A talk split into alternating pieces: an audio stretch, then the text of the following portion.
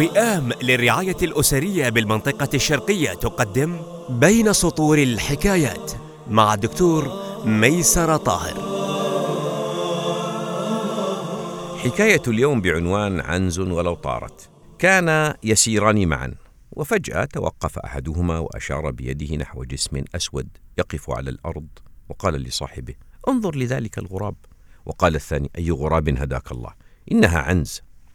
واستهجن الأول ضعف بصر صاحبه وقال إنه غراب ألا ترى منقاره وذيله؟ ورد الثاني أي ذيل ومنقار؟ ألا ترى قوائمه الأربع؟ وازداد تهكم الأول على الثاني فما كان من الأول إلا أن رمى حجرا باتجاه الجسم الذي اختلفا عليه فطار. فقال الثاني لا تحاول معي إنها عنزة ولو طارت. منطق عنزة ولو طارت هو منطق الجامدين الذين لا يغير فكرهم حوار ولا حجة. ويشعرون أن أفكارهم ومعتقداتهم مهما كانت هي جزء منهم. فإن تنازلوا عن بعضها فكأنهم تنازلوا عن جزء من ذواتهم. لذا فهم يصرون على الاعتقاد بصواب ما يؤمنون به. فيزداد جمودهم وتقل مع الزمن مرونتهم. ويتصف هؤلاء الناس الجامدين بالالتزام بعادات جامدة. في التفكير في الطعام وفي الشراب وفي النوم واللباس والمشي وترتيب الأشياء وغيرها. والجمود أمر ضار في كثير من الأحيان كما نعلم وقد لا يحتاج الأمر لبرهان لإثبات ضرره فقد كان الجمود أهم عقبة واجهت الأنبياء مع أقوامهم. ذلك أن الجامد وبخاصة إذا كان الجمود في فكره هو فرد لا يستطيع أن يحيد عما اعتاده من عادات فكرية أو معتقدات وسيجد نفسه يقول مقالة من سبقه. وكذلك ما أرسلنا من قبلك في قرية من نذير إلا قال مترفوها إنا وجدنا آباءنا على أمة وإنا على آثارهم مقتدون.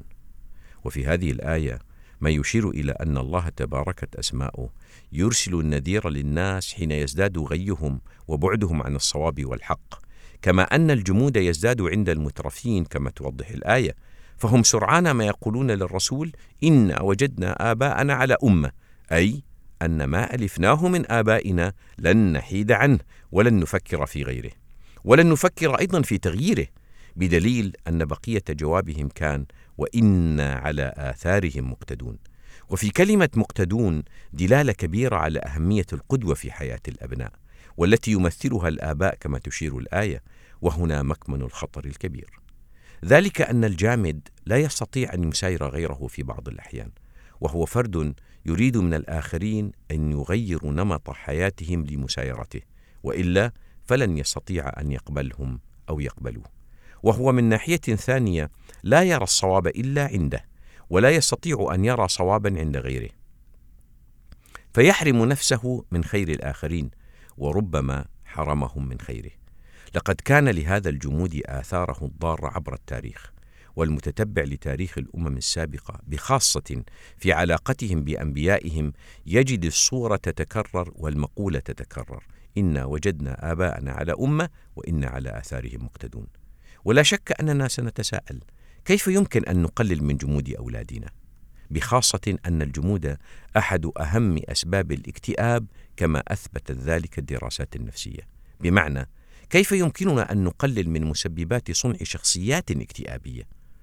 والجواب يكمن في مقدار مرونتنا نحن المربين. فالمربي الجامد الذي لا يستطيع أن يتنازل أمام رأي غيره إذا ثبت له صوابه لن يستطيع أن يربي أفرادا مرنين. وعلينا أن نعي حقيقة علمية هي أن المرونة لا تصنع بالمواعظ ولكنها سلوك يراه الطفل من قدوته ويعايشه ويتعامل معه فيتبناه ويتكون في داخله من خلال تبني من يربونه لهذه المرونة. وكل مرب يستطيع أن يعتذر لمن يربيهم إذا أخطأ. يمكنه أن يتفاءل بانتقال هذا السلوك لغيره. لأن اعتذاره لمن يربيهم سيريهم ويبرهن لهم أن الكبير يمكن أن يخطئ وأنه يملك القدرة والرغبة في الاعتذار عن خطئه. ومن يستطيع أن يتراجع عن سلوك خاطئ بعد أن يثبت له خطأه يمكنه أن يستبشر بانتقال مرونته لغيره. لذا فأولادنا بحاجة إلى أن يرونا ونحن نتراجع أمام رأي صائب سمعناه من غيرنا. وبحاجة ليروا منا امتثالا في بعض الأحيان لآرائهم حين تكون صائبة. لأن هذا الامتثال لآرائهم يعزز ثقتهم بآرائهم ويجعلهم يروننا ونحن مرنين أمام أي رأي آخر غير رأينا ويرون أن هدفنا هو البحث عن الحق والصواب وليس التمسك بآرائنا والجمود عندها وعندها فقط. تبقى الآية صادق وعندها تبقى الآية صادقة في وصف سلوك الأبناء. إنا وجدنا آباءنا على أمة وإنا على آثارهم مقتدون. ولكن هذه المرة يكون الأبناء قد وجدوا آباءهم مرنين وهم على هدي هذه المرونة سائرون. بهذه الطريقة فقط يمكنهم أن يتنازلوا عن آرائهم حين يثبت لهم خطأها. وبهذه الطريقة فقط نضمن أن تخ... وبهذه الطريقة فقط نضمن أن تخرج من بيوتنا أجيال تتمتع بقدر معقول من المرونة وأنها ستكون بإذن الله أبعد ما تكون عن الجمود العقلي الذي يسبب الإعاقة ليس للفرد فقط بل للأمة بمجملها. إلى أن ألقاكم في حكاية أخرى أستودعكم الله والسلام عليكم ورحمة الله وبركاته.